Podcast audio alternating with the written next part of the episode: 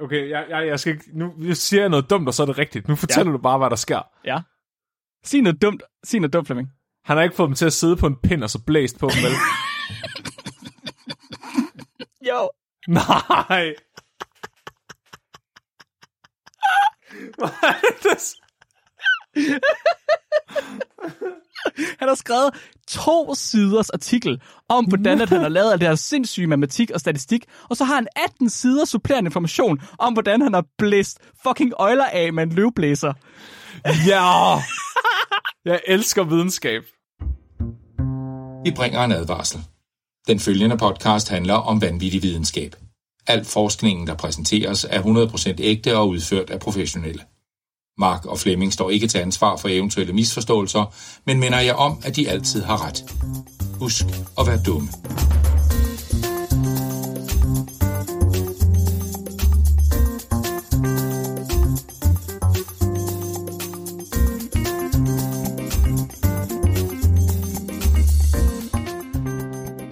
Hej og velkommen til Flemming, også kendt som videnskabeligt udfordret.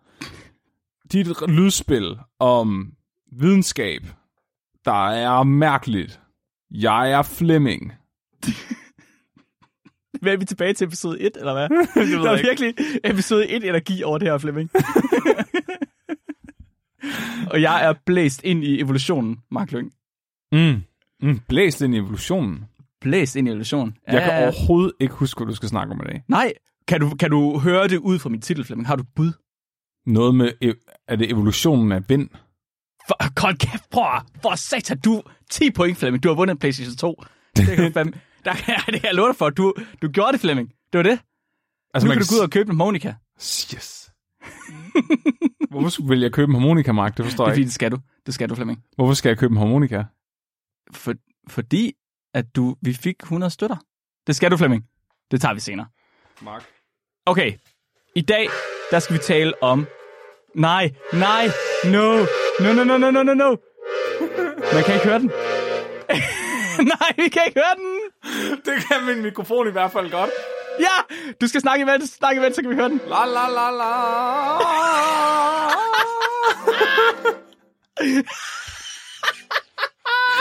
kunne du... kunne, du, hø- kunne du høre, hvad det var for en sang? Nej, overhovedet Kan jeg høre, hvad jeg spiller nu? ikke på den væk.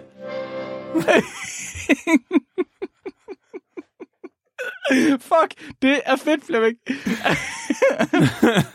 du, må lige, du må lige sende en regning, så jeg ved, mange uh, tierpenge, jeg skal sende. Dem alle sammen. ja. Jeg kører... Jeg, jeg, øh, jeg har været ringe og handle med Kurt. Ja, du har regnet med Kurt. Hvem er Kurt? Ham, der sælger harmonikaer. Jeg har virkelig... Det, du skulle oh, se... Hov. Du skulle bare have set ansigtet på alle, der kom hjem med den. Også dine børn. Ja. Jeg prøvede, Hvordan reagerede de? jeg prøvede at spille på vores baby. Ja. Han begyndte bare at skrige. Svend, Svend synes, den var fed. Han, Han øh, synes, den var fed. Og så prøvede han at ødelægge den. Åh oh, nej, hvad synes du, spillede lidt. Ja. Øhm, hun, kiggede, hun kiggede på mig på sådan en måde, hun kigger på mig nogle gange. Når jeg siger er noget, der er meget klogt. Nå. ja. Åh, oh, Flemming, det er jeg rigtig glad for. Så nu skal du lære at spille på harmonika.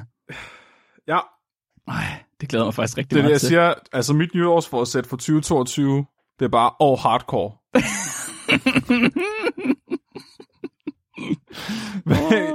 Jeg ved ikke, okay, nu har vi harmonikaen, ikke? Ja. Hvad, prøv at høre. Jeg, først vil jeg gerne lige hilse at sige, at jeg sætter ikke pris på, hvor hurtigt vi fik de 100 støtter. Det gør jeg. Det var meningen, det skulle tage et år mere. Nej, nej, nej, nej, nej, nej. Det var perfekt. Det var lige som det skulle være. Tusind tak ja. til dem, der lavede propaganda lige, hvad var det, på den sidste dag eller sådan noget. Det var helt absurd. Det var så perfekt. Det er umenneskeligt. Øh, jeg, hvad, er, re- okay, hvad er reglerne? Jeg ved ikke rigtigt. Jeg, jeg har en harmonika nu. Ja. Er det noget, jeg skal lære at spille en, sang på den? Du skal lære at spille intromelodien. Du skal spille intromelodien på harmonika. Det er jo, prøv, det kan jo ikke spille intro. Det er jo sådan noget jazz, Mark. Du kan prøve. Hva, men er det målet? Det er at spille en sang. Hva, okay, hvor, hvad, hvad er rammerne for det her? Jamen Flemming, okay, rammerne for øh, 10 udfordringen er at spille mm-hmm. intromelodi, men rammerne for dig er jo at blive den bedste harmonikaspiller i hele verden. Det er jo dit nye livsmål, det her. Jeg går ud fra, at det er det, du ligesom, at du dedikerer resten af dit liv til at lære at spille harmonika og spille det så godt, som du overhovedet kan. Jeg skal blive min onkel. Ja, Stuart Stardust. Jeg tænkte, øh, hvis, altså Nikolaj derude, han er jo sådan øh, musikalsk øh, wunderkind. Mm-hmm. Skulle vi ikke øh, prøve at lave en single og lægge op på Spotify inden næste år? Er, er, det virkelig, er det et mål, vi tør sætte? Er det, det, det tænker jeg, det er målet, at, at inden året om, så, så har vi lavet et originalt stykke Fuck. musik Det er et sindssygt projekt. på harmonika, som vi Ej, lægger op, som vi lægger op på projekt, Spotify. og jeg har bestemt på Nikolajs vegne, at han er min producer. Jeg elsker, at du har lige købt en harmonika, og så sætter du dig selv en ny udfordring. En ny ting, du skal gøre. Nej, men vi prøver, det er ikke nok, at alle kan jo købe en harmonika, Mark. vi, vi, tænkte, du, vi tænkte bare, at du skulle spille på den. Det har jeg allerede gjort. Ja, du er dygtig. Kunne det have været Jeg ved- overstået nu? Nej, nej, nej, nej, nej, nej. Nej, lige, okay, har jeg lige gjort det meget værre for mig selv, end jeg Ja, det kan jeg love dig for, du har, men det er fint mig. Okay, et stykke original musik. Du vil ikke bare prøve at spille et, et, et cover i stedet for? Det tror jeg ikke, jeg må lægge op på Spotify. Jo, der er der coverbands på Spotify, det tror jeg. Okay. Jeg, Men ellers skal du bare lægge det op på Facebook eller et eller andet sted. jeg synes, uh, Mark, at, at vi bliver nødt til at lave et, et originalt stykke musik. Men altså, hvad, vi har Nikolaj, som er producer, ikke? Og guitar. Ja. Ja. Hvad er du i bandet? Jamen, jeg, jeg kan ikke, jeg, jeg, kan, jeg kan synge en lille smule. Ja. Jeg, blev valgt, jeg har sunget solo til min efterskoles musical, siger jeg bare lige. Okay, det, du synger faktisk ret godt, når du er virkelig stiv. Så jeg drikker mig virkelig stiv i brændevin. Det skal man, når man spiller på harmonika. Og så synger jeg til din harmonika. er det, er det så, så det er et mål. Uh, vi drikker stive brændevin, uh, og så, så har jeg lært at spille nok på harmonikaen, så vi kan indspille et nummer og lægge op på Spotify. Okay, du ved godt, at jeg ikke er hjemme i halvdelen af 2022, ikke? Ja, Ja. Det gør det bare sådan dobbelt så svært. du kan jo godt indspille vokalen Ja, separat, ja, hvis vi sender dig uh, tracket. ja, altså det kan jeg godt. Der er ikke nogen, der siger, at det her skal lyde godt, Mark. Okay, Jamen, det er fint. Det er fint med mig. okay. Hvis der er, så øh, øh, lytterne derude, øh, jeg tænker, vi... Øh, fuck, fuck. Hvis vi lærer det, Flemming, så er vi nødt til fra nu, altså fra det tidspunkt, det kommer ud, og have det som vores intro, og så er det ligesom det, vi spiller til live shows, når vi går på scenen. nej, det er vi jo nødt til. det kan blive vores outro. Ja, okay, fint. Den er der alligevel ikke nogen, der gider at høre. Men vi, øh, jeg tænker, hvis folk går ind og, øh, og går ind på vores, hvad hedder det, på fansiden, så kunne vi prøve at, at, at, øh, at lave det til en ting, der andet, at folk ligesom kan være med til at bestemme, hvad den der sang skal handle om. Det er en god idé. Og så følge med i, hvordan jeg lider med min harmonika. Okay. Og hvordan Okay, min okay, okay, familie okay, okay. lider. Vi laver... Ja, og så du lægger vlogs op derinde sådan, og af din proces, og så Ja. øh, laver vi en afstemning for, hvad, hvad temaet skal være og sådan noget. Så øh, hop ind på, øh, på fansiden på Facebook, hvis øh, okay, I gerne ja. vil være med til at, at se mig lide. Okay, må jeg fortælle, hvad dagens afsnit skal handle om? Så skidt der, Mark. Skal det handle om det harmonikaer? Det skal ikke handle om harmonika. Skal det, er- være hardcore? Ja, det bliver pænt hardcore, det kan jeg love dig for. Det bliver øh, hardcore evolution. Kan du mærke det allerede? Det Ja. syder i kroppen, Flemming, fordi du elsker evolution. Hardcore evolution. Hardcore! Øh, det bliver mere specifikt klimainduceret evolution. Vidste du Uh. godt, det var en ting, Flemming? Øh, jeg troede, klimainduceret øh, evolution var, at, øh, alting døde og brændte. Det er også øh, ret tæt derhen af. Men der er nogle små finurligheder, der gør, at det ikke er det eneste, der sker. Men det er en stor del af det, der sker. Uh. Og det gør faktisk, at klimaet, øh, klimaforandringerne skubber så meget til evolutionen, at vi lige nu kan se evolutionen altså i fast forward gange Sejt. en million. Så alle dyr, så naturen er i gang med at speedrun evolution, for at se, om de kan overleve mennesket. Det er faktisk det er præcis det, der sker, Flemming. Så klimaforandringerne, de er jo på, på, på alles læber, og for mange der betyder klimaforandringer udryddelsen af levende organismer på jorden. Alt brænder, ikke, Flemming? Men det vigtigste, vi skal stå, forstå ved klimaforandring, det er, at de er jo værst for os selv. Vi, vi kan kun ikke lide global opvarmning, fordi det er os, der får det ringe af det. Ja. Altså, det er jo, det er jo ikke for sjov, man siger, at jorden den er ligeglad.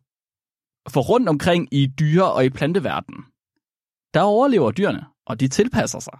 Og organismer og planter og whatever, de tilpasser sig alle sammen til de forhold, vi har ændret jorden. Ja, Ikke alle sammen, næsten alle sammen. Så jeg havde næsten et indtryk af, at der var flere dyr, der døde af det her end mennesker, men det kan godt være, at jeg bare har talt forkert. Jamen, jeg tror faktisk, du har talt forkert, Flemming. Ja. Det, er, øh, det, det er ikke dyrenes problem, det her. Det er vores problem. De der isbjørn der, de faker den. Jamen, isbjørn er jo ikke vigtige. Der er ingen, der kan ikke gå op i isbjørne og pandaer.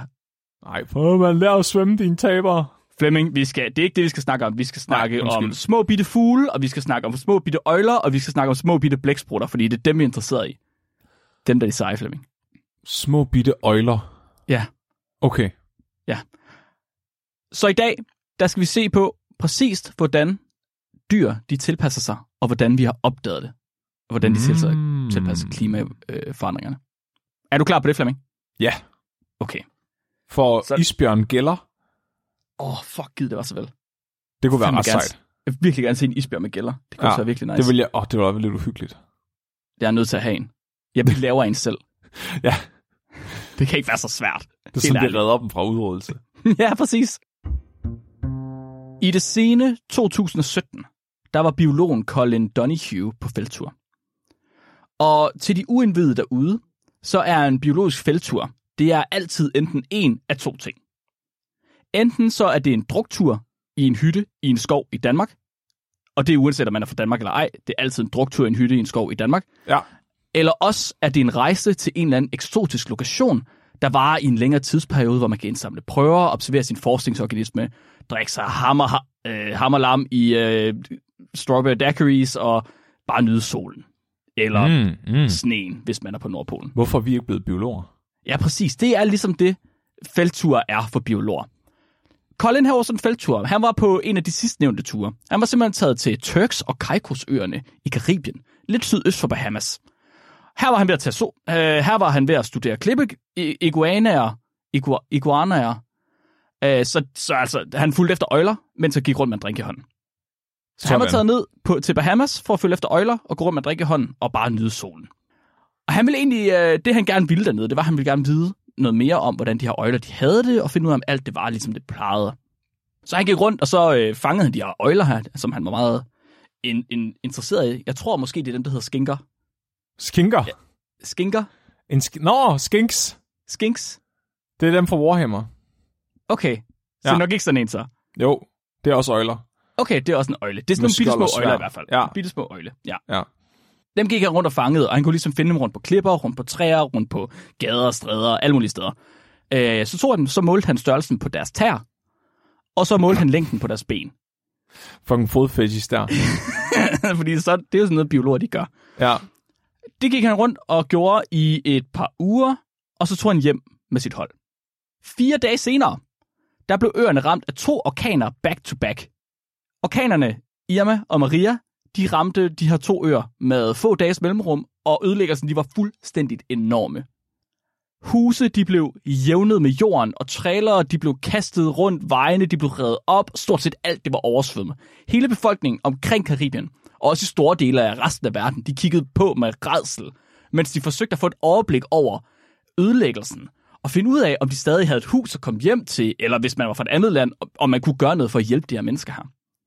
Alle sammen undtagen Colin. Colin han kigger på de her orkanramte øer, og så udbryder han. Men, men hvad med øjlerne? er der ikke nogen, der har tænkt på øjlerne? Hvad med deres søde små tæer? Så overalt i verden, der er klimaet blevet mere og mere barsk for alle levende organismer. Og ingen har tidligere været vant til de her forandringer, som, som vores behandling i jorden den er fuldt masser. Og det betyder, at mange dyr og planter, de ikke ligesom kan leve nu, som de hidtil har gjort. For nogle organismer, der betyder det udryddelse. Så chimpanser, pandaer, isbjørne, mange, mange andre store arter som regel er udrydningstruede, eller er rent faktisk udryddet, fordi klimaforandringer de indskrænker deres habitater, eller fjerner deres øh, naturlige føde. Mm. Det er simpelthen et kæmpe stort problem. Nogle, nogle af de arter, der ikke øh, dør af det her, de vælger at løbe fra deres problemer. Sådan. Ja. Det er mig. Jeg overlever Simpelthen. klimaforandringerne. Flemming overlever klimaforandring. Han løber fra det. Han skrider bare. Det gider han ikke, der er pis her. Ja. Så I kan måske nok huske, at I har fået at vide, eller måske selv har talt om, at øh, global opvarmning betyder, at vi en dag får løver i Danmark. Og selvom at det er rimelig overdrevet, at der skulle komme løver til Danmark, så er det ikke sådan helt forkert. Fordi dyr, de tilpasser sig hele tiden ved at flytte sig efter klimaet. Øh, og det har vi også set med ulvene, der kom til Danmark, og med vildsvinene, der kom til Danmark. Øh, man har også set det andre steder, hvor man for eksempel ser sommerfugle, der trækker meget, meget nordpå. Øh, men det er ikke kun dyr, der gør det. Det er også træer og planter.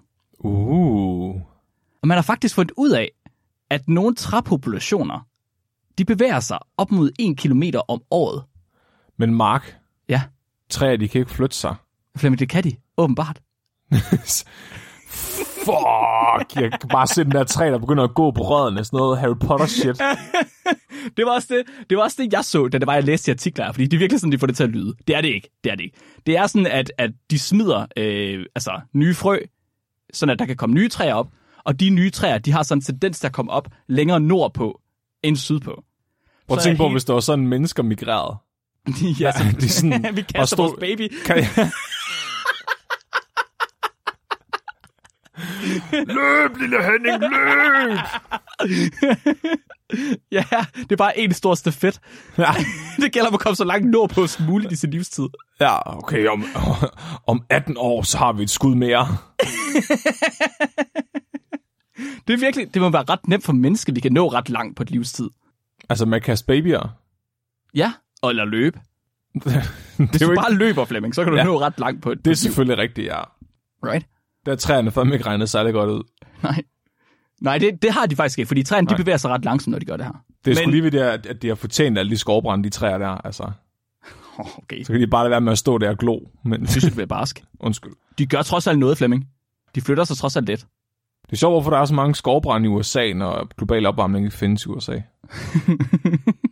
Der er også flere i Australien. Det kan være, de tror mere på det dernede. Ja, det tror jeg også. Det er sådan, ligesom julemanden. Jo mere du tror på klimaforandringerne, det, Det mere ægte er det. Ja, ja. Greta Ja. Thunberg, hun er bare, altså...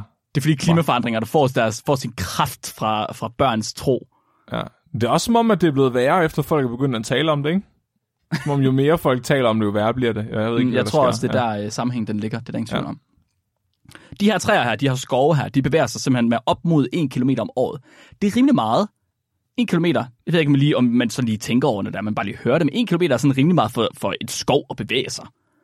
Og det betyder faktisk, at de bruger ligesom den her bevægelse til at flytte sig til områder, der passer bedre på deres levestandarder.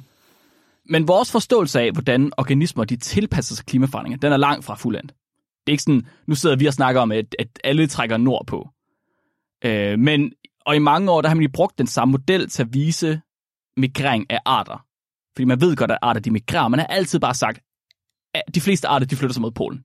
Alt Mm. går mod polerne, fordi det er der, der er koldest, og der er varmt på midten. Så gider mm. det ikke være der. Men det har senere vist sig, at det er så specifikt fra art til art, at man faktisk ikke kan regne med eller forudsige, i hvilken retning arterne de bevæger sig. Mm. Så det, man taler ikke længere om, at de flytter sig mod, mod polerne. Man taler om, at der er en form for omrangering. Så at arterne, der godt kan lide varme, de så flytter sig mere sydpå for at give plads til arterne, der godt kan lide mere kulde. Eller okay. dem, der måske overhovedet ikke kan holde til varme. De er nødt til at rykke nordpå, fordi ellers så dør de. Og dem, der godt kan tolerere varme og mindre vand, de kan godt være det samme sted i længere tid.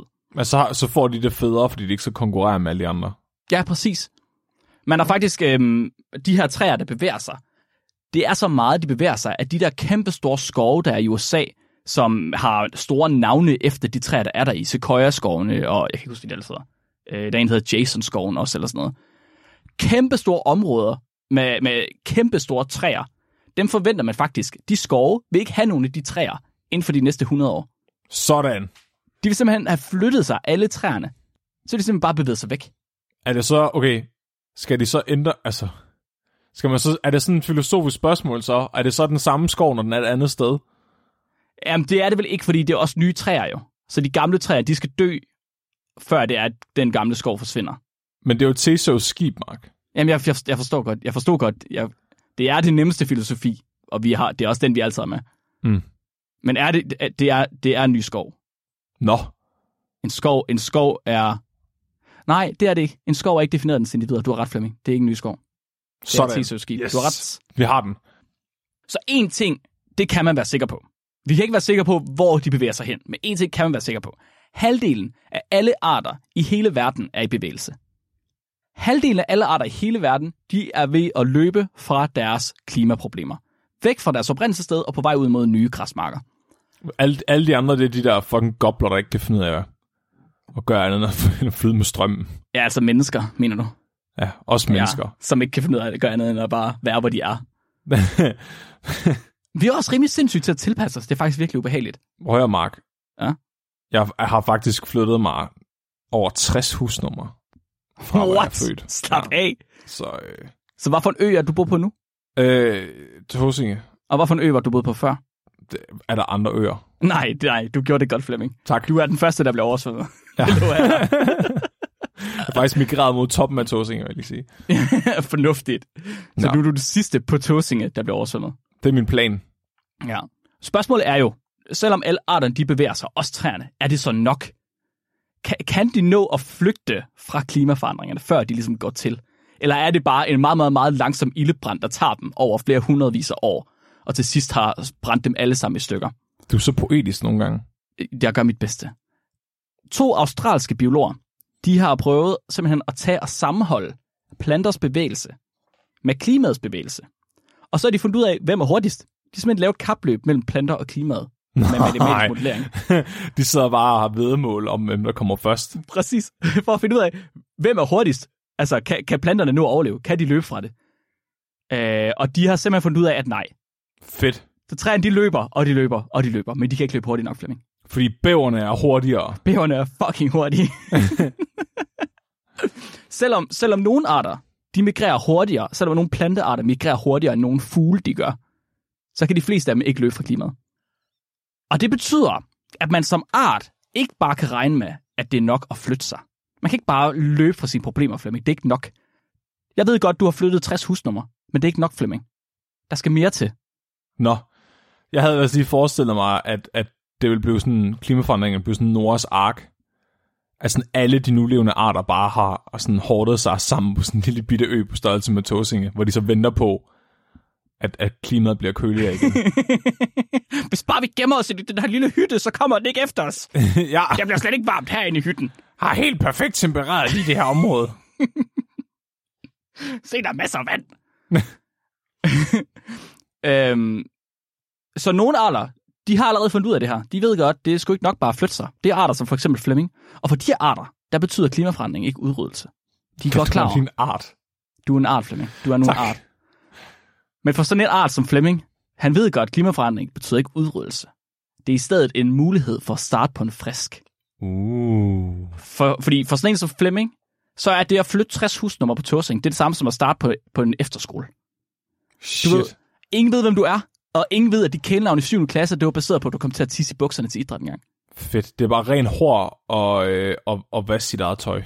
Og nej, det, ja, jo, lidt, men det er mest det at genopfinde sig selv, Flemming. Det er sgu det, der er vigtigt, og jeg ved, at det er lige præcis det, du prøver på, nu hvor Ja. du flyttet 60 husnummer væk på Tåsinge. Ja. Før Nu var er du ikke længere er Flemming Tviskæg. Flemming. Nu er du, eller Flemming Betonhøen. Nå. Fuck. Jeg ved ikke, hvad du er nu. Nu er du Jeg har Flemming, ham med børnene. Jeg ved ikke, hvorfor skal du give mig identitetskrise? Jeg troede, at det handlede om klimaforandringer. Jamen, det, det er det samme for dig. Okay. Så alle, arter, alle andre arter er døde. Alle andre der arter kunne ikke holde til klimaforandring. Du kunne godt, så hvorfor ikke genopfinde dig selv? Mm. Nu skal du lige vise, at du er faktisk en anden, end alle de gik og troede, du var. Køb en ny trøje eller et eller andet. Noget i den stil. Flemming, har du nogensinde hørt om Humboldt-blæksprutter? Nej. Nej. Er det noget, der findes? Ja, det er noget, der findes. Det er sådan nogle kæmpe store blæksprutter, der normalt bliver over en halv meter lange, øh, Mm. men faktisk kan blive helt op til to meter. Og det er ikke, ikke de der blæksprutter, øh, ikke de der å, almindelige ottearmede, øh, dem vi har snakket om før, dem der er vildt intelligente. Det er dem, der med hatten, med den trekantede hat i stedet for. Sådan en squid og ikke en Ja. octopus. Præcis, en squid Nå, okay, jeg, jeg tænkte, når du sagde kæmpe store, det var sådan, okay, der er der mange blæksprutter, der er større, men det er så fordi, det var ikke en blæksprut, det var faktisk en blæksprutte. Ja, præcis. Ja. Ja. hedder det en blæksprutte og en blæksprut? Ja. Okay. Hvad er hvad? Jeg ved det ikke. Okay, ha- en hattesprutte. Squid. Squid. Ja, ja, det er fint. Øh, de her, de bliver så store, at man kan faktisk kalde dem for jumbo-sprutter. Simpelthen, det er deres almindelige navn, det er jumbo-sprutter. Det er den store sprutte. Ved El Niño i Mexikos golf, der oplevede man i 2010 og i 2011 en serie af varmebølger, der varmede vandet langt over dens normale temperatur. Mm. Og jumbo-sprutterne her ved El Niño, de var så stor en del af fiskeindustrien, at fiskerne de begyndte at lægge mærke til det her lige med det samme. De så lige med det samme, at vandet havde varmet, eller at vandet var blevet varmere, og det gjorde de ved, at blæksprutterne var blevet mindre. Nå. De vidste selvfølgelig ikke, at, at det var fordi vandet var blevet varmere, at blæksprutterne var blevet mindre. Men de læ- lægger ligesom mærke til, at alle sprutterne er mindre, end de plejer at være. Så lige pludselig så er- springer biologerne til. Så kommer der nogle biologer ind fra siden af, og så er de sådan, fuck ja, yeah, nu skal vi se, hvorfor de er blevet mindre. Og det de, det, de opdagede, det var, at lige pludselig efter bare et par hedebølger, altså bare to hedebølger, der begyndte sprutterne at være under en halv meter lange i gennemsnit. Mm. Hvor de før havde været langt over en halv meter lange i gennemsnit. Og det var ret pudsigt. Så det var, det var, altså, det, man så det godt nok som outliers i 2010 ved den første hedebølge. Det var sådan, okay, der er nogle få af dem, der, der, der er små. Der var det ikke over halvdelen endnu. Der var nogle få af dem, der var små her. Men lige pludselig, i løbet af et år, der tog de korte sprutter over. Og så blev der bare mange af dem. Så det varme vand har bare dræbt alle de store, eller hvad? Men det er faktisk ikke det, der er sket. Det er ret interessant. Så øh, de her biologer ville også gerne finde ud af, hvad det var, der var sket. De havde også en fornemmelse af, at det måske havde noget med det varme vand at gøre. Men der var stadig store sprutter.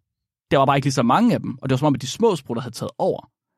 Så de her, det her hold biologer, der gik og kiggede på de her sprutter her i de her to år, de var sådan lidt, okay, det er vi nødt til at finde ud af, hvad er det for noget. Så de gør det eneste, de kan tænke sig til, og så skærer de deres tidsmand af dem. Selvfølgelig gør I det. Alle Ja, otte. De skal ud, og så fanger de en masse blæksprutter, og så målte de deres længde og alder. Og så finder de rigtig nok, at antallet af små sprutter, det har overtaget totalt. Men betyder det, at alle modne blæksprutter er døde, som du spurgte om? Er alle de store blæksprutter, alle dem, der er modne, kønsmodne, er de døde, og nu er det kun unger, der er tilbage? Det er da variabler til højdes for, Flemming. Det er man nødt til at finde ud af. Nå. Så ikke bare måler de dem, og ikke bare vurderer de deres alder. De skærer deres maver ud og konserverer dem ved at fryse dem. Så skærer de deres statolitter af, som sprutterne bruger til at mærke tyngdekraften, så når de er til at sidde op i den der hat, og så konserverer de dem i sprit. Og til sidst så skærer de reproduktionsorganerne ud, så de kan opbevare dem i formalin. Så de skærer faktisk tissemændene af dem. De skærer bogstaveligt talt tismen af dem, og øh, æggelederne, æggestokkene ud af dem også. Hvorfor? Det gør de, fordi de vil gerne finde ud af, øh, om de her blæksprutter, de er kønsmodne eller ej. Og kan du gætte dig til, hvordan man finder ud af, om blæksprut den er kønsmoden eller ej? Okay, så du tager øh, æggestokkene fra den ene, Mhm. og tissemanden fra den anden, Mhm. og så øh, ser du, om du kan lave blæksprutbabyer med dem. Nej. Nej, Flemming, det tager alt for lang tid, og det er alt for besværligt, og de her kønsdel er allerede i formalin. Du laver suppe på dem og smager. Et bedre bud, stadig Om, forkert. ja, om det er sådan, nå. Flemming, det er ikke gørelsen, det er størrelsen. Nå, De kigger simpelthen bare på de her, de her øh, peniser, tissemænd, jeg kan slet ikke sige det nu. Og så siger de, er den lang eller er den kort? Okay, så du siger til mig, at de små blæksprutter havde stadigvæk lige så store tissemænd som før. Ja, i forhold til deres øh, kropslængde. Det er fucked. Det er Det er rimelig fucked. snyd. Så det sagde jeg faktisk ikke, men nu har du allerede sagt det her. Så det, de finder ud af, det er, at øhm, alle de her små blæksprutter, der er halvt så gamle som de normale store sprutter, de er seksuelt modne. De er kun halvt så gamle som de store sprutter, og som de gamle sprutter, der normalt er modne. Men de er allerede blevet seksuelt modne. Fordi de ikke skulle vokse så meget, eller hvad? De har simpelthen udviklet sig til at leve deres liv på den halve tid. Det er fandme smart. De speedrunner bare blæksprutte Præcis, fordi live. at vandet det var så varmt, så de havde svært ved at finde føde, så derfor så havde de opgivet den her gigantisme, de havde, som en levevej, til fordel for at være et lille og vaks, og så få bollet noget hurtigere. Okay, så, så de siger simpelthen, vi vil være dø af sult. Hvad med, at vi bare dør lidt før så, så vi ikke skal være ved at dø af sult så længe?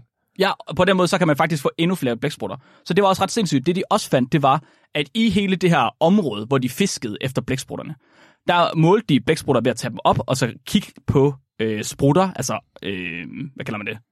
Øh, forsøgsdyr. Men de havde simpelthen også, øh, de kunne måle hele biomassen af blæksprutter i området. Mm-hmm. Og de kunne se, at biomassen, selvom alle sprutterne var mindre nu, så var den totale biomasse større. What? Så der var mange, mange flere blæksprutter. De var bare alle sammen meget mindre. Det er virkelig mærkeligt. Okay. Så det var faktisk, selvom det her det virkede til at være noget, som havde en negativ effekt på sprutterne, så havde de udviklet sig til at gøre kontra og leve deres liv på den halve tid, blive kønsmodne på den halve tid, skulle bruge meget mindre mad, og på den måde, så kunne de få mere afkom og rent faktisk overleve bedre, end før de her varme strømme, de kom til. Det er ret sejt. Det er ret sejt. Det er ret fandt- sejt, at der ikke bare er flere blæksprutter, der er mere blæksprutte. Ja, præcis. De fandt også ud af, at blæksprutterne faktisk, de havde været nødt til at ændre deres diæt. De tog jo også maven ud og kiggede på i den, hvad de havde spist.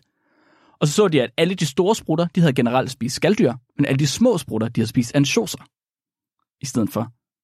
Nå, så, så de små, små kunne måske bedre fange ansjoserne, eller hvad? Muligvis, men det kan også være, at der bare har været færre skalddyr, og det er faktisk derfor, at, det har, at de er gået over til at være øh, mindre, i stedet for, fordi at ansjoserne bare var mindre. Men jeg synes bare, store blæksprutter er sejre. Store blæksprutter er sejre, Flemming, og det må du, øh, du har klimaforandringer, og tak for, at vi får små blæksprutter nu.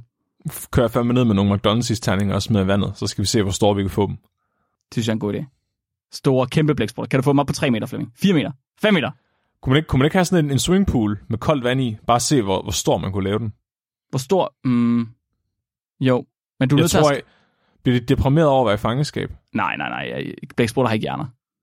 Nå, De kan slet ikke tænke, Flemming. okay. Men, men det, der, det, der er det vildeste ved det her, Flemming, det er, at de her blæksprutter, de har ikke udviklet sig, som vi kender det fra selektion. Det er ikke normalt, når vi taler om, om selektion, så er det, at, at generne ændrer sig ved, at de bliver muteret over lang tid, og så de positive mutationer, de sidder fast, fordi de giver en fordel i forhold til negative mutationer. Ja. Men det er ikke det, der er sket her. Så generne har ikke ændret sig. Generne har ikke ændret sig. Blæksprutternes gener er præcis, som de har været hele tiden. Så i stedet så er de øh, gennemgået en tilpasning, man kalder for plasticitet. Det er simpelthen det, at de kan ændre deres udseende på så få generationer. Det er et resultat af, at deres gener de allerede er klar til at ændre deres størrelse og til at ændre deres seksuelle modning. Det lå allerede i generne, at de skulle faktisk have mulighed for at lave den her livscyklus. De har bare aldrig gjort det før. Så ligesom vi stadig har nogle gener til at lave haler, fra dengang vi havde haler. Så, Ja, hvornår øh, vil mennesket nogensinde lave en hale? Jeg tror at mere, det er det, at vi kan tilpasse os et nyt miljø, uden at vi behøver at ændre på vores gener. Så for eksempel, hvis du, øh, I don't know, lige pludselig skulle leve på Nordpolen, og du så fik pels, fordi at du allerede havde muligheden for at lave pels, eller sådan noget. så vil mine børn få pels. Nej, så, jamen, så vil det være evolution. Men hvis du fik pels, specifikt dig, Så er det plasticitet. ja, Så de holder op med at gro tidligere, end de ville normalt. øh, ja, De er ikke født anderledes. De Ja. vokser op anderledes. præcis. Det, okay, det giver mening. Så det, det er ligesom... Øh, hvad fanden var det, han hed? Var det Kjeld Rygsæk? Hvad? Hvem? Jeg tror, han hed Kjeld Rygsæk. Okay. Nå, var det Karl Rygsæk. Ham der fra Tåsinge, der har, ham med den pukkelrykket. ja.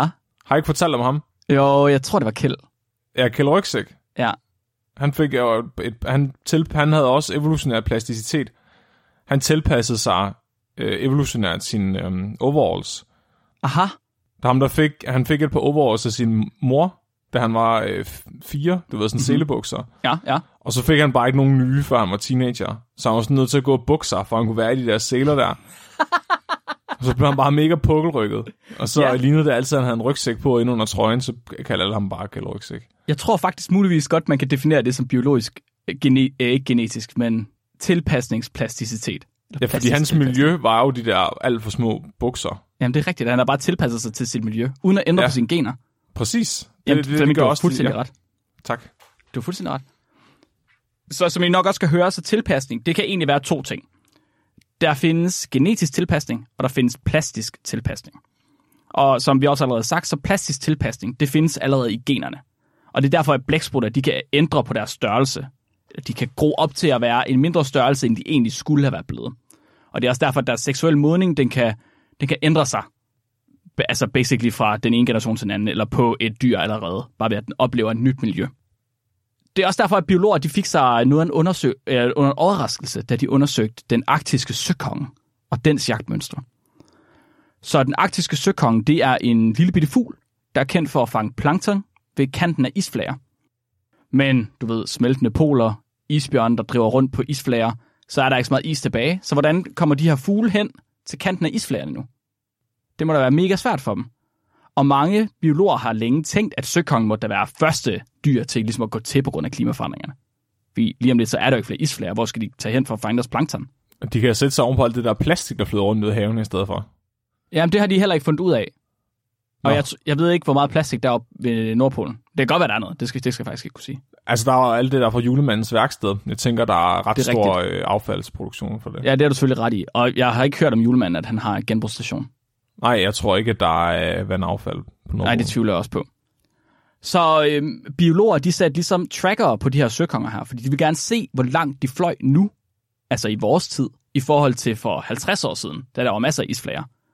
Altså, nu må de jo bruge en time på at komme ud og finde mad til deres unger, right? Det var ligesom det, de forventede. Men i virkeligheden, så fløj de i gennemsnit 4 minutter. Nå, hvad? Når de hoppede fra deres rede, ud for at fange mad og kom tilbage igen, så tog det 4 minutter for dem. Det er Men ret. det giver, men det giver ikke mening, der var flere kilometer ud til, til der, hvor plankton var. Hvad sker der? Åh oh, nej.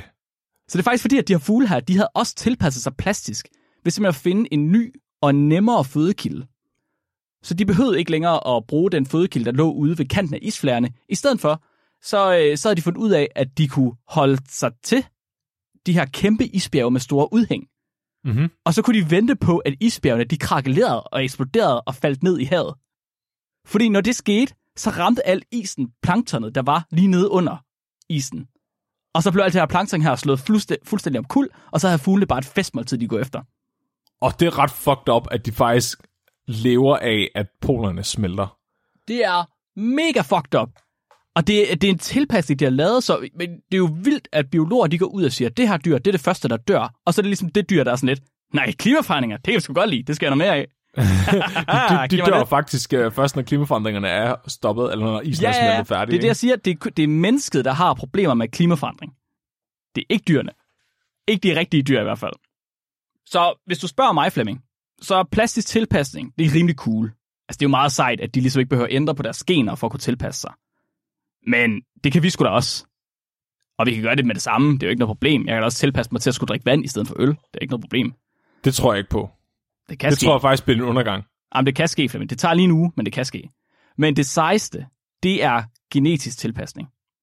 Det er det, Flemming er, vi ånder og lever for. Det er grund til, at vi går på to ben, og at vi ingen pels har. Altså, øh, skal vi snakke om radioaktivitet nu, Mark? Om hvordan at øh, vi bare skal fodre øh, uran til, til alle zoologiske haver for at se, om vi kan... Det kan vi godt. Det var en virkelig god idé. Det var ikke der, på vej hen, men det vil jeg Nej. rigtig gerne. Skal vi ikke Ja. gøre det? Jo, bare for at se, om vi kan skabe nogle nye dyr, der bedre kan overleve. Du ved, sådan Hvor kan vi købe uran hen? Øh, jeg, jeg tror ikke, de har det i Rema. Jeg synes, jeg så noget i Netto den anden dag, men det kan godt være, øh, at vi skal til Langeland og kigge. De har sådan lidt mere mærkeligt udvalg, fordi der er ikke okay. rigtig andre butikker. Kan man stadig få det i cornflakes? Nå, har, har det været i cornflakes? Hvad var det nu, der havde været i? Var det ikke Var det ikke- cornflakes? Nej, Det var i nej, hvert fald også det... konservesprodukter. Nå, var det sådan, det var? Ja, det tror jeg. Åh, oh, jeg ved, vi tager sgu da bare til Risø, Flemming. Nå ja, der er masser af det. Der er masser. De giver det, rigtigt. nok ud, det tror jeg. Ja. Så øhm, hvis I kan huske vores afsnit om verdens længste eksperimenter, som er afsnit nummer 016, så talte vi om bakterieevolution. Og det var et afsnit, hvor 30 års evolution ledte til, at E. coli, en lille prutbakterie, den kunne spise citrat i stedet for sukker eller et eller andet kedeligt. Pisse kedeligt, men det er evolution. Det tog bare fucking lang tid. Men nu skal vi lige tilbage til Colin. Og så skal vi se evolution af den bedste skuffe. Colin her var jo som sagt på den her ø, hvor ikke mindre end to orkaner havde forårsaget død og ødelæggelse. Og da vi sidst så ham, der var det eneste, han kunne tænke på, det var øjlerne, Flemming. Hvad var der sket med øjlerne? Var deres tær? Var de okay? Var deres tær blevet kortere, Mark? Åh, oh, Flemming. Nej, hold nu kæft. du ved Det var alle dem med de korte tær, de døde, fordi de kunne ikke holde fast, da øen rystede. Det var det, tak for i dag. Nej, hold nu kæft. fordi, altså, Colin han er sådan lidt, når man har ikke bare én, men to alt ødelæggende klimafænomener, er det så ikke bare naturlig selektion i 10 dobbelt hastighed? Det tror jeg fandme nok, det er, Flemming. Det tror jeg satme nok, det er. Og heldigvis, så havde Colin og hans hold, de havde lige taget målinger af øjlerne bare et par uger tidligere. Så de her orkaner, de har faktisk givet dem muligheden for at se evolutionen foregå over bare et par uger. Det fandme ikke hver dag, man får, mul- man får lov til at se evolutionen foregå over et par uger, Flemming. Ved rigtig store dyr, rigtig multicellulære dyr. Jeg skulle lige til at lave en joke om 2. verdenskrig, og så stoppede jeg mig selv. Du, du er forfærdelig. Det vil jeg bare lige pointere til lytterne derude, at stoppe mig. Altså, Bannehan har gjort indtryk på mig. Sig den. Nej, jeg vil gerne vide, hvad der skete med de tær der. Sig den. Nej, jeg vil Sig ikke. din joke, jeg vil høre den nu. Jeg fortæller den til dig senere. Okay, Dion. Så øhm, årtiers forskning på de her øjler her, jeg ved ikke, hvorfor der er årtiers forskning på dem, men det var der åbenbart. De har allerede vist, at de her meget specifikke øjler, de klynger sig til træer ved at bruge deres tær. Nej, nej. Og deres bagben. Øh, sorry, deres forben. Og alt efter størrelsen på deres ben og fødder, så gør øjlerne sig brug af forskellige levemåder. Så du ved, hvis man har større tær, så kan man nemmere hænge sig fast på træer, Flemming. Ej, nej, nej, Hvis man nej. har mindre tær, så kravler man rundt på jorden, fordi så kan man ikke lige så nemt hænge sig fast på træer. Det var en joke, Mark. Det var en joke. Så derfor ville Colin jo gerne undersøge, om de overlevende øjler, de gennemsnitligt havde større fødder, end de øjler, han havde målt på før orkanerne. Fuck, jeg spørger bare, hvem bruger størrelse 49 i sko her, var? Åh, åh, hvad? Kan du holde fast på en gren med dine fødder, Flemming? Fleming-arten overlever. Ja, du kan ikke holde fast på noget som helst med dine tær. Hvis jeg nu bare finder en gren, hvor der går ud sådan en V, så kan jeg bare stikke min fod ind imellem og så hænge. Det er jeg til gengæld rigtig sikker på, at det kommer til at blive en rigtig god teknik. Ja. Det skal du gøre, Flemming. Så, øhm, så Colin, han tænker hvis øjlerne de bruger deres fødder til at hænge fast med, så må man kunne forvente, at døde øjler, de har haft små fødder. Og efter han har målt på alle de her øjler, han kunne finde på øen, og sammenlignede det med alle de øjler, han fandt før orkanerne, så finder han fandme, at de overlevende øjler, de har signifikant længere forben. Og selvom øh, og deres, deres areal af tæerne var forøget op til 10%. De havde 10% større fødder. Og det var selvom kroppene, kroppene på øjlerne var mindsket med 1,4%. Og så er lidt tykke faldt ned. Alle de tykke øjler faldt ned. Alle de tykke øjler med små tær og små forben faldt ned. Fuck, okay, nyt nytårsforsæt for 2022. Prøv at tænke på, hvis der skete sådan noget for mennesker. Ja. Du ved, der kommer en rigtig, rigtig høj lyd, så alle dem, der havde små ører, overlevede. Altså, det bare... Det er, så, det er så absurd at tænke på. Det er vel det, en masseudryddelse er i virkeligheden. Ja, det har vel ja. været en, en masseudryddelsesevent for øjler, det her. Ja, Og så er det bare dem, der lige præcis skal overleve den masseudryddelse, der så får lov til at leve videre. Det er bare virkelig skørt, det der med, sådan, at det er så specifikt længere tæer og længere ben, der er sådan, at det, der afgør det. Det er virkelig perfekt. Altså, det her det er faktisk hele deres artikel, Flemming. Den er to sider lang. Mm. Hele for artiklen. me- mennesker, der har det jo været for at få mad, ikke? Der er, det- hvem, hvem kunne være det største psykopatsvin, der snød de andre for at få maden, ikke? Men det er jo sådan noget, det er jo aftermath. På, altså, det, Nej, du, det jo, de døde, vi døde ikke af det vulkanudbrud, der kom. Vi døde af, at vi ikke kunne få noget mad bagefter. Nå, på den måde. Okay, jeg, Altså, tænker, er mere, sådan jeg tænker mere sådan, dem der overlevede vulkanudbruddet. Hvis nu vulkanudbruddet ramte alle, Mm. sådan alle var dækket i lava, så selekterer man for dem, der har en skal af jern og godt kan lide lava. Dem, der har lange nok ben, så de kan tåle at miste en halv meter af ja, ja, bunden. dem, Flemming, dem. Dem, dem, hvor, dem, hvor det tager så lang tid for dem at smelte deres ben, at det ikke når at ramme deres kønsorganer. Det er dem, vi gerne vil have til at styre vores land, Flemming. Det er min Det præsident. jeg, ja. Det kan jeg love dig for. Men som sagt, det her det var hele deres artikel. Det var simpelthen at gå ud, og så var der to orkaner, og så øh, målte de lidt på nogle øjler, og så var det det. Men du kan også nok høre, at det her det er jo bare indikationer. Det er jo sammenhæng, det her. Altså, hvordan kan man være sikker på, at det er orkanerne, der har været skyld i den her evolution? Altså, de kan jo ikke rigtig gøre andet end at fælde alle træerne, og så vente på, at der kommer en orkan mere. Jeg kan love dig for, at de kan gøre noget andet end at fælde alle træerne og vente på, at der kommer en orkan mere. Flemming. Det er De det eneste deres- rigtige kontrolforsøg, du kan lave, Mark. Nej, nej. Fordi så kan du lige- se, om, om det har, altså, så kan du påvise, at hvis der så ikke er nogen forskel bagefter, så er det fordi, det var rigtigt nok, at dem, der hang i træerne overlevede. Okay, fint nok, fint nok, fint nok, fint nok, fint nok. Men hvad så? Skal du så sætte dig ned og vente på orkaner? Hvem har tid til det? Det er, ja, det er rigtigt nok. Men der er ingen, der har tid til det, Flemming. Så ind kommer der supplerende informationer. Hvis man ikke lige er klar over det, og ikke lige har læst så mange videnskabelige artikler, så, øhm, så sker der altid det, når man ligesom sender artiklen ind, at man har mulighed for at sende appendix med. Kalder man supplementary information. Og øhm, det havde Colin også gjort. Han skriver i sin artikel, Preliminary experimental trials, supplementary information, suggest one possible, exp- uh, one potential explanation. Because of the posture that this uh, lizard adopts when exposed to high winds, longer high limbs, hind limbs could represent a larger exposed surface area, which would increase the likelihood of the lizard being blown off its perch. Og det siger ikke mig sådan mega meget. Det er, han siger, at der er en forklaring her. Okay, så hvis de har større bagben, så er der størst sandsynlighed for, at det bliver blæst af. Hvor har han det fra? Og nu har han skrevet supplementary information. Så det fortæller mig, at jeg skal kigge lidt i de her supplerende informationer. Så det gjorde jeg. Han har ikke, han har ikke, han, oh nej, okay, jeg, jeg, jeg skal ikke, nu siger jeg noget dumt, og så er det rigtigt. Nu fortæller ja. du bare, hvad der sker. Ja. Sig noget dumt. Sig noget dumt, Flemming. Han har ikke fået dem til at sidde på en pind, og så blæst på dem, vel? Jo. nej! Hvad er det? Han har skrevet to siders artikel om, hvordan at han har lavet alt det her sindssyge matematik og statistik, og så har han 18 sider supplerende information om, hvordan han har blæst fucking øjler af med en løvblæser. Ja! Jeg elsker videnskab. Han skriver, intet er kendt om, hvordan små øjler opfører sig ved orkanvinde. Det ved vi ingenting om, åbenbart. Vi udførte et eksperiment for at undersøge 1. Om øjler bliver på kunstige pinde, hvis det blæser meget, eller om de søger ly. Kunstig pind. Kunstig pind, det er ikke en ægte pind, Flemming. Det er ikke et ægte Godt, træ, det her. Han kan godt få fat i en løvblæser, man kan ikke få fat i en fucking Ja. pind. Og to, om små øjler, de holder fast på en kunstig pind, når det blæser meget. Om de kan holde fast på den, når det blæser rigtig meget. Orkanvinden.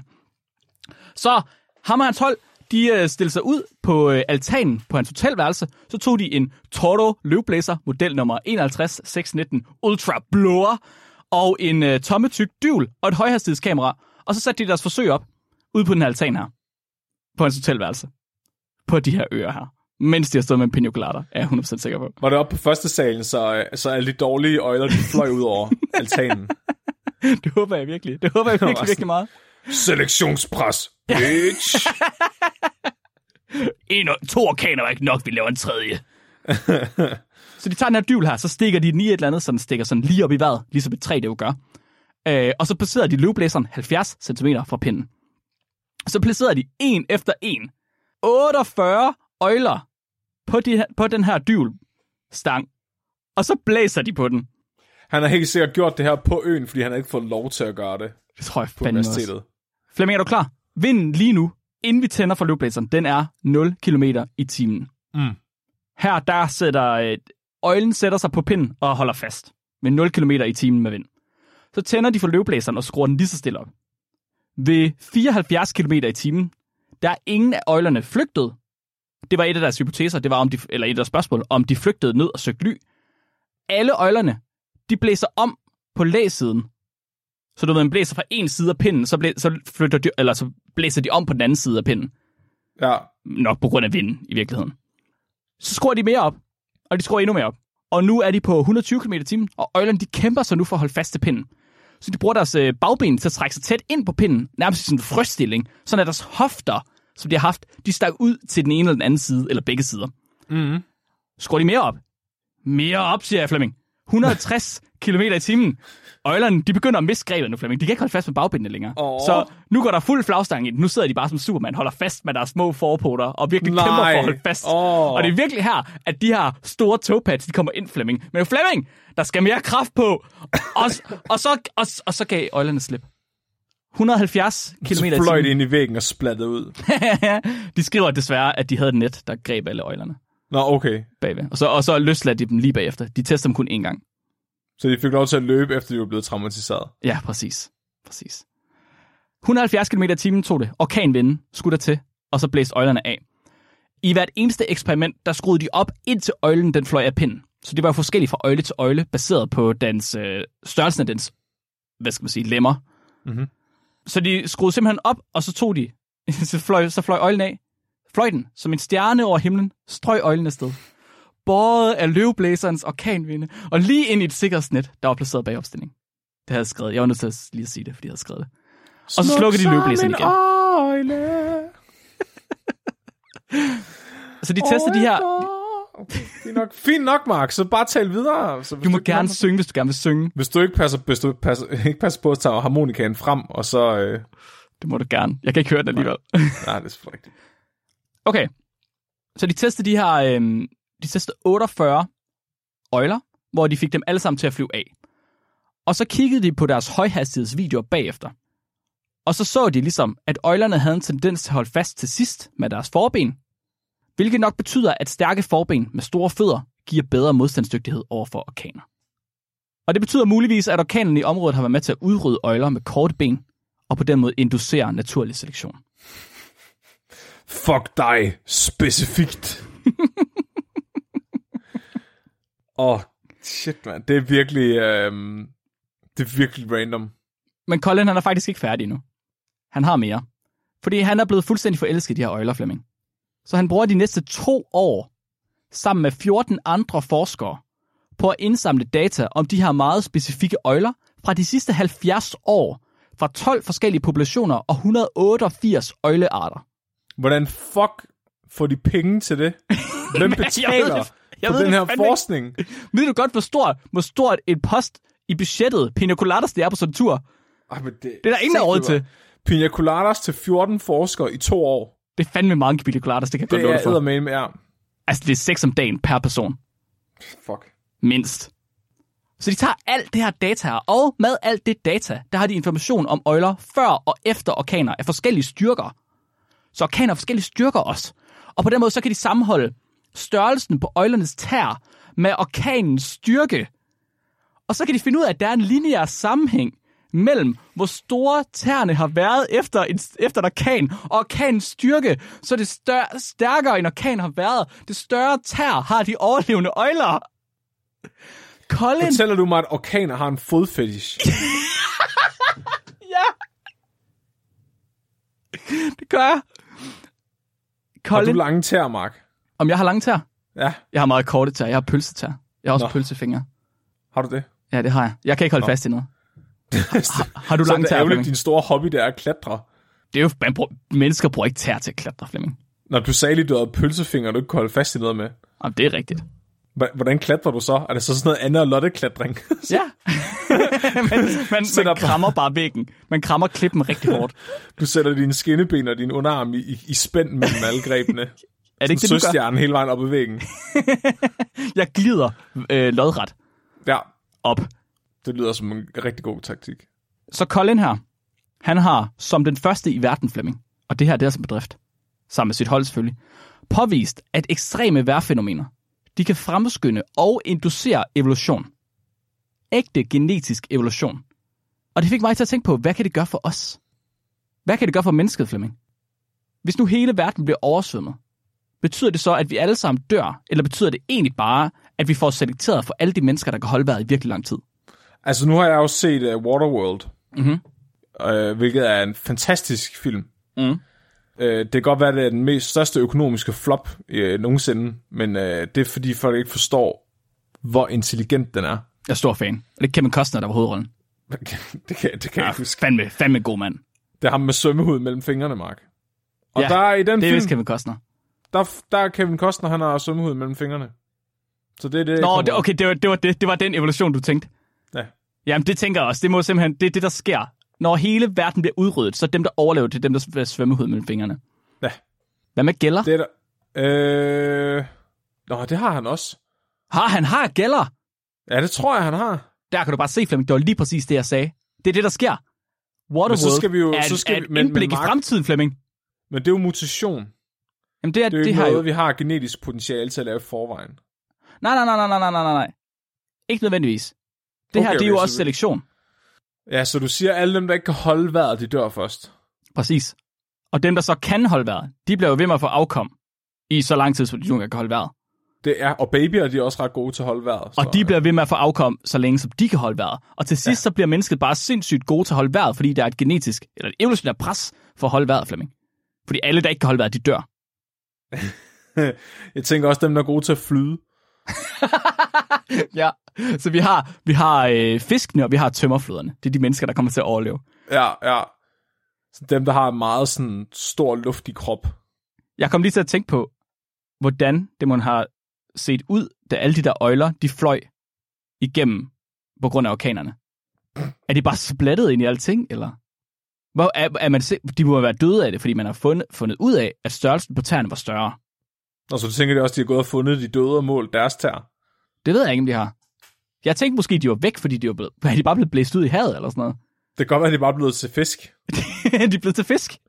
Bare en, en eller anden ø, naboøen, der var svømmet en hel masse øjler med virkelig sådan korte tær. Det er sådan, de, de hopper fra ø til ø, men de misser lige præcis orkanerne hver gang, så øjlerne de blæser væk fra dem. Ja. Så forskerne går den ene vej, og øjlerne de blæser den anden vej. Det er faktisk derfor, at alting migrerer mod polerne. Det er fordi orkanerne blæser alle dyrene den vej. Jeg vidste ikke, at orkaner altid blæste mod nord. Jo. Det kan man bare se. Eller er syd. god- Mod syd?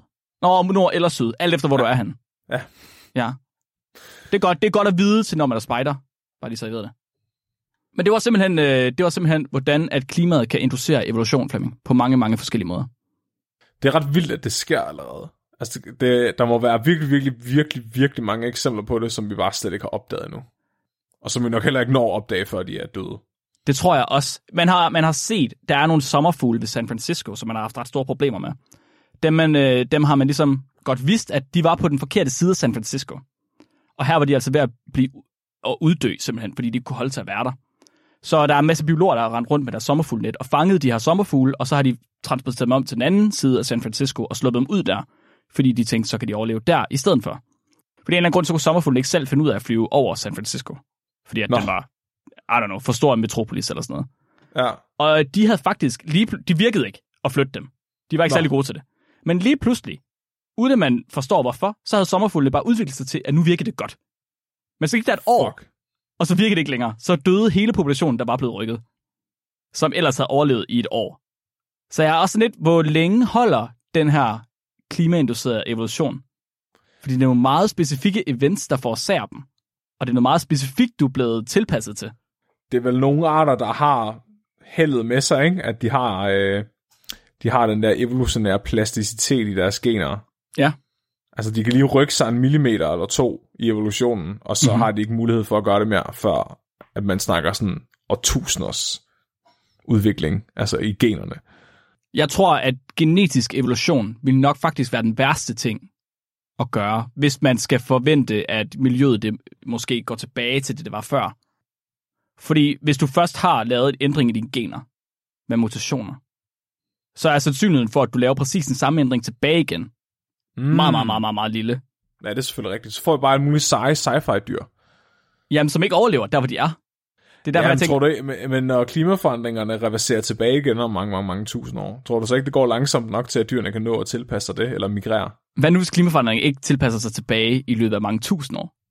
Det er jo det. Så, kan de, så kommer der bare nye dyrearter. Jeg tror, det, jeg tror, at det bliver sådan noget med, at det er kun dyr, der har plastisk tilpasning, der kommer til at overleve. Tror du det? Nej, det ved jeg ikke. Ja, men så, okay, så dem, der har plastisk tilpasning til at overleve, de vil jo så fortsætte med at gennem, undergå evolution Ja, efter det, og, de vil, og så vil de jo så blive til nye arter. Ikke? ja det, det, det, der det kan du selvfølgelig, det kan du have ret i på den måde. Ja, ja, ja. Så går der tusindvis af år mere, så kommer nye arter af dem. Men jeg tror sådan lige i sekundet, der vil det være sådan, at kun alle de plastiske dyr, de kan ligesom holde til at tilpasse sig den ene vej og den anden vej. Mm. Så Nej, det er du dem- mener lige når det sker nu, impactet, fordi Ja, ja, præcis. ja. de har, hvad er det, 80 år til jorden går under? Er det 80 år? Ja, det var det ikke i år 2100, at øh, menneskehedens øh, civilisation ville kollapse. Nå, det kan godt være. Men så er de det heller ikke 80 år. Øh... De har 78 år, Flemming. Ja, okay. Du skal lige være lidt præcis her. Øhm, åh, jeg, tænker, jeg tænker meget på det som sådan, at du ved, hvis man kommer til at daske til, til et glas og, med vand i eller et andet, og det er lige ved at vælte, du ved, det når lige at vip, og så vipper det op igen. Og så vælter det. ja, ja, det er det. Det er det. Det er det, der sker nu, ikke nu? Åh, det vipper lige lidt. Der er lige lidt tilpasning, og så, pff, så uddør det. jeg, tror, jeg tror, du har fuldstændig ret. Det er Hvem sådan, at vi alle, alle bliver så mega håbefulde nu. Det er sådan, ah, men dyrene skal nok komme så. Prøv bare at se, hvordan de, de udvikler sig for at overleve og tilpasse sig miljøet. Ja. Og så udrydder de bare alle sammen på én gang. Det er ligesom folk, der er styrt ned med et fly, ikke? At de er Mm. klar til at æde de andre døde passagerer. Ja, Og så dør de af sult bagefter. jeg tror, du har ret. Jeg tror, det er det, der kommer til at ske. Men... Men Vi er alle sammen fucked, og øh, vi tror stadig ikke på, at vi kan redde klimaet. hvem er de sidste mennesker, der overlever? Hvem der er det? Ja. Den sidste befolkningsgruppe, der overlever, inden, øh, inden, de, de, at menneskeheden uddør. Dem, der bor højst oppe. Mm. Så nogle af de der øh, Sherpaer. sherpaer, ja. Dem, der er sindssygt gode til at udnytte ilt fra luften. Ja. De overlever længst. Kunne man bare skulle tage det over med det samme, hænge ud. Og så bare tilpasse dig til at kunne øh, altså, bruge mindre ilt.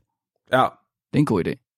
det tror jeg, jeg gør. Se igen, Flemming, det er jo plastisk tilpasning. Fordi så tilpasser du til at bruge mindre ilt, mens der du skal være oppe på bjerget. Og når du så skal ned igen, så kan du tilpasse dig til at skal bruge mere normal ilt igen. Ja, men de har faktisk en genetisk uh, mutation, som gør, at de kan... Jamen, det har du ikke. Nej, præcis. Så, Så, det er du er nødt til at skal, du er nødt ja. til at skal træne i årvis. Det kan godt være, at jeg bare skal begynde herhjemme og tage en pose over hovedet eller et eller andet. Det er Sådan. en god idé. Ja. Det må du, du må godt filme det, når det er. Ja. Det vil ikke gøre mig noget. Kan det komme op på, øh, på, på den mørke side af internettet? Snopfilm. Det var simpelthen, hvordan klimaet det uh, inducerer evolution i uh, dyr og planter. Tak for det, Mark. Velbekomme. Mark. Ja. Glark Bakkedak. Ja. Det er mig, der er vært i dag. Mhm. Det er mig, der er Flemming. Det er Ja, mig, der er har harmonikaen. Det har Flemming. Og det er mig, der aldrig kan huske, hvilken rækkefølge vi gør tingene i. Så nu bestemmer jeg bare, at jeg lige spørger dig. Har vi nogle lytterspørgsmål? Det er præcis den rækkefølge, vi plejer at gøre tingene i. Og det har vi, Flemming.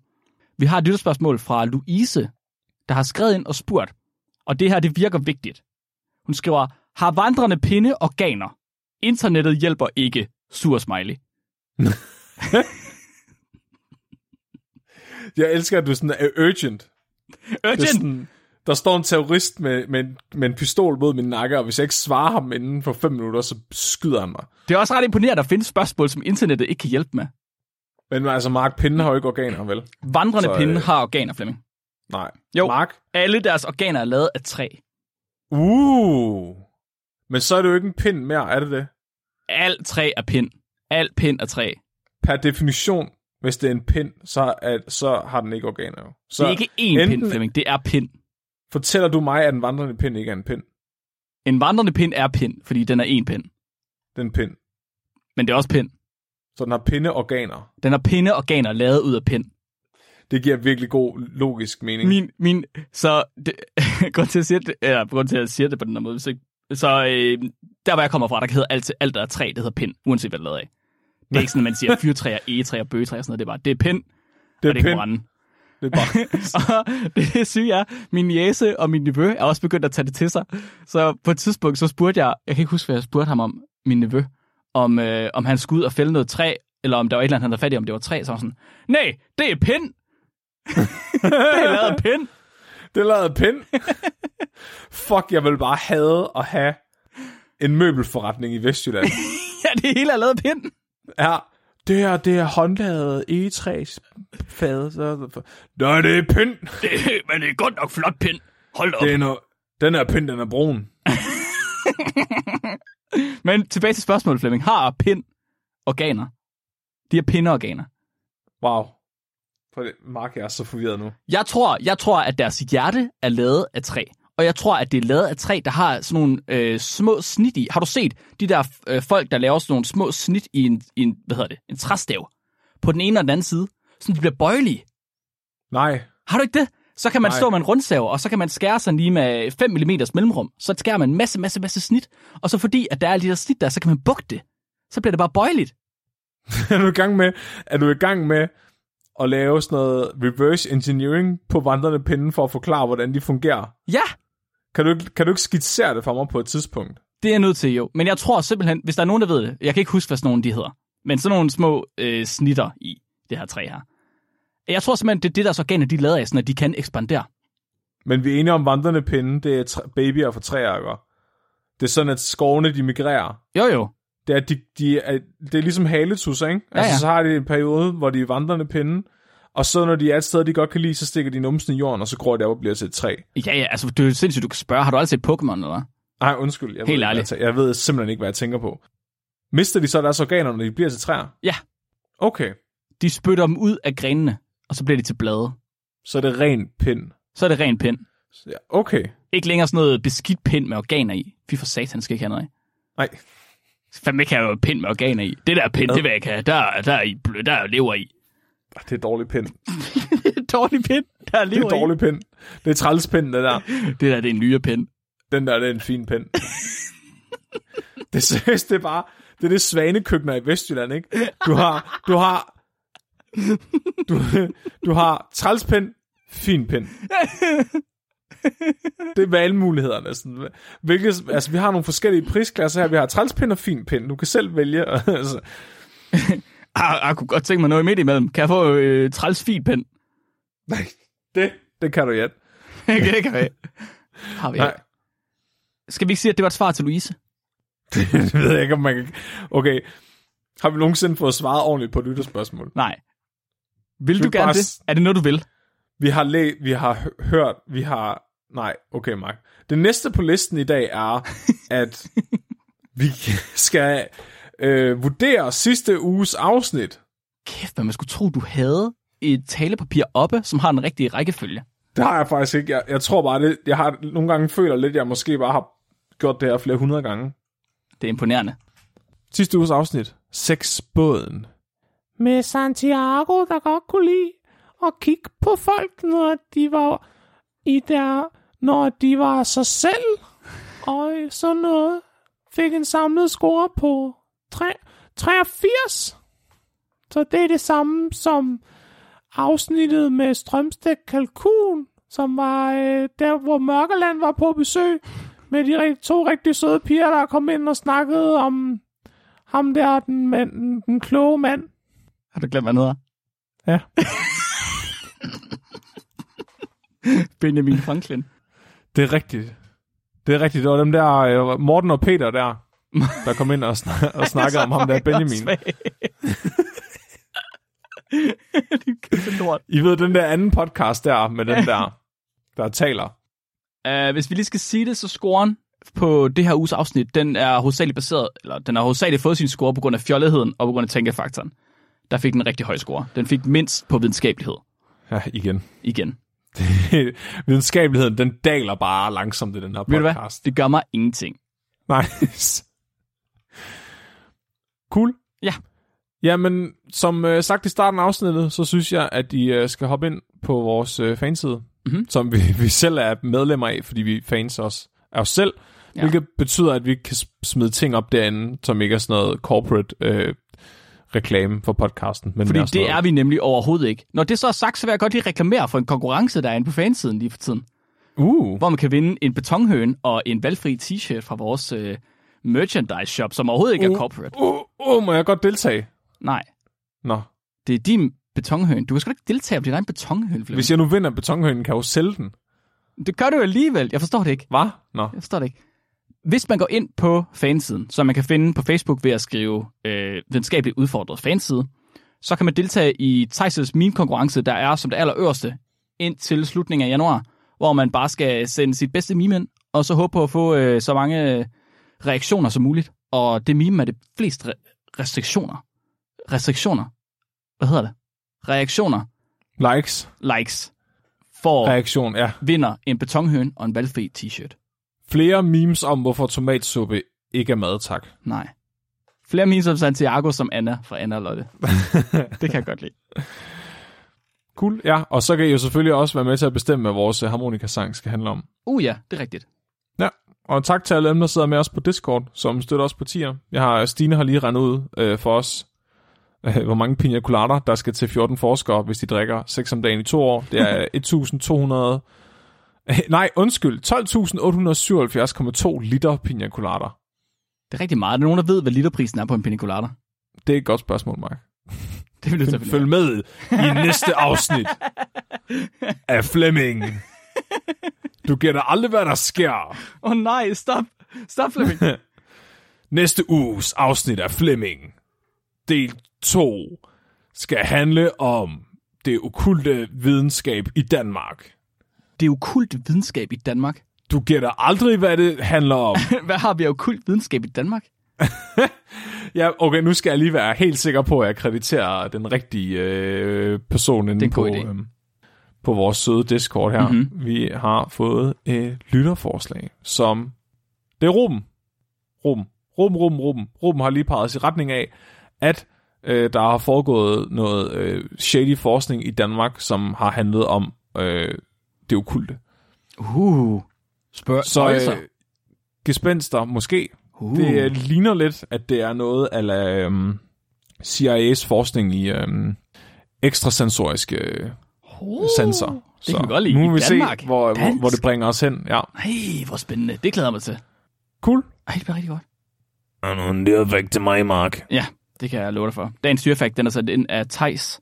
Og Thijs han har skrevet ind og sagt, at i Ægypten har man fundet øh, et nyt fossil af en val.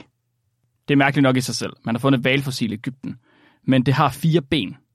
Og Det skal den lade være med. og man- Nej, det skal... Og man, ud fra det mener man, at valer er startet som en slags hjorte.